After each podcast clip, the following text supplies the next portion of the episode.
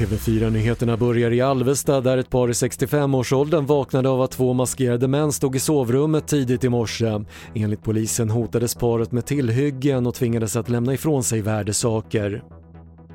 Så till USA där över 59 000 konstaterades coronasmittade igår och det är den högsta dygnssiffran hittills enligt New York Times. Minst fem delstater rapporterade under gårdagen sina högsta dagliga siffror och USA har nu passerat 3 miljoner bekräftade fall av covid-19. Svenska studenter håller avstånden sämre än studenter i andra länder men de är noga med att tvätta händerna enligt en större internationell studie.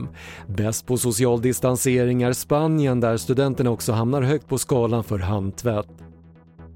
Och det ser ut att bli en riktigt bra svampsommar. På flera håll i landet vittnar svampplockare redan om sina fynd och om vädret håller i sig kan det enligt experterna bli den bästa svampsommaren på 5-6 år.